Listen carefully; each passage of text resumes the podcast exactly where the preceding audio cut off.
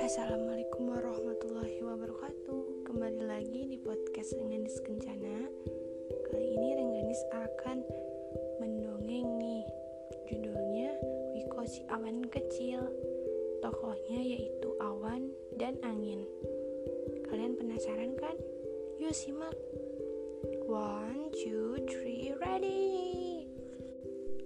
Wiko si awan kecil merasa sedih Aduh, aku selalu melihat lautan. Itu air, itu air, itu air. Aku ingin melihat yang lain. Begitu kata Wiko. Karena sepanjang hari Wiko itu tinggal di lautan. Jadi ia hanya melihat air. Meskipun ada sahabatnya Huri, si angin, dan selalu menghibur Wiko Wiko selalu merasa sedih. Orang tua Wiko sempat berpesan, Wiko boleh main tapi jangan jauh-jauh. Karena Wiko masih kecil, nanti kalau sudah besar, baru Wiko boleh main yang jauh. Begitu kata orang tua Wiko. Wiko pun patuh kepada orang tuanya. Dan Huri selalu mengingat pesan itu karena Huri juga mendengarkan pesan orang tua Wiko. Tapi Wiko hari itu terlihat sedih sekali. Wajahnya seperti akan menangis. Huri pun menemani Wiko ketika kemudian Wiko kembali meminta Huri untuk mengajaknya terbang ke atas daratan. Awalnya Huri tidak mau, tapi Huri meminta agar kembali cepat. Nah, mulailah Huri meniup Wiko terbang ke atas daratan. Wiko senang sekali. Yay, aku akan melihat daratan. Begitu kata Wiko.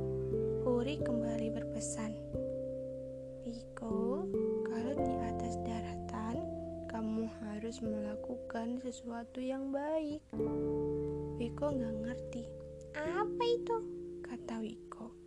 Tapi karena Wiko sedang senang, karena sudah ditiup Huri ke daratan, kata Wiko, Wah, ternyata seperti ini. Tidak hanya air, tapi ada banyak yang dia lihat. Ada pohon, dan ada manusia sedang bekerja di sawah, dan anak kecil sedang berlari. Tapi tidak seperti bayangan Wiko, pohon tidak hijau, tapi kuning kecoklatan. Orang-orang terlihat kelelahan. Tanah pun terlihat mengering retak dan pecah-pecah. Wah, apa yang terjadi ini, Huri? Wiko berkata. Itu dia, Wiko. Lakukanlah kebaikan untuk manusia, tanah, dan yang lainnya, kata Huri. Lalu Wiko terdiam. Tidak lama, Wiko tahu jawabannya, yaitu memberikan hujan ke daratan. Wiko ber berusaha mengumpulkan teman-teman yang lainnya dan menurunkan hujan. Dan ketika awan itu berkumpul, hujan itu menjadi besar, tidak lagi kecil lagi. Nah, ini dinamakan proses koalensi ya, teman-teman. Semakin lama semakin besar dan uapan semakin berkumpul di dekat mereka. Tidak lama kemudian uap air yang mereka miliki turun ke daratan. Semua manusia senang. Wiko dan teman-temannya melihat kebaikan yang telah dilakukannya untuk daratan.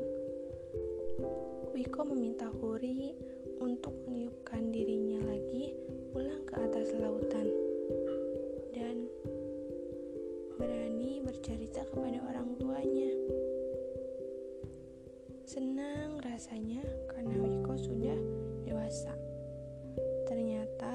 dewasa itu bukan dilihat dari ukuran, tapi apa yang sudah ia lakukan. Wiko telah melakukan kebaikan. Wiko zaman kecil senang.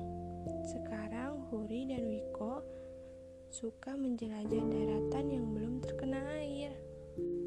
Teman-teman tahu tidak bagaimana terjadinya hujan?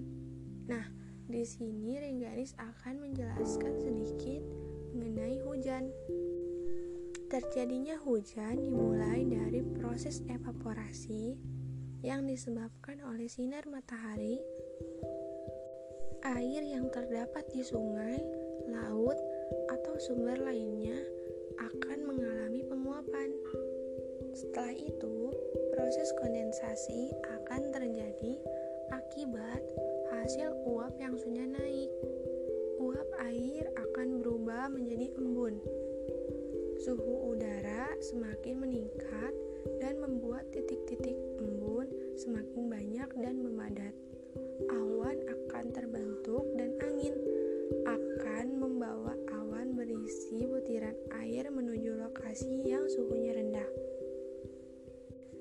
Awan-awan tersebut akan berkumpul menjadi awan yang besar dan berwarna kelabu. Tetesan air hujan mengembun di sekitar bahan mikroskopis yang disebut inti kondensasi awan. Nah, teman-teman, tidak semua tetesan air hujan itu jatuh menyentuh tanah. Namun, ada juga yang kembali lagi ke awan dikarenakan air menembus lapisan atmosfer yang lebih hangat dan akhirnya menguap. Mungkin cukup sekian podcast dari Rengganis Kencana Putri. Terima kasih sudah mendengarkan. Mohon maaf bila ada salah kata. Terima kasih. Wassalamualaikum warahmatullahi wabarakatuh.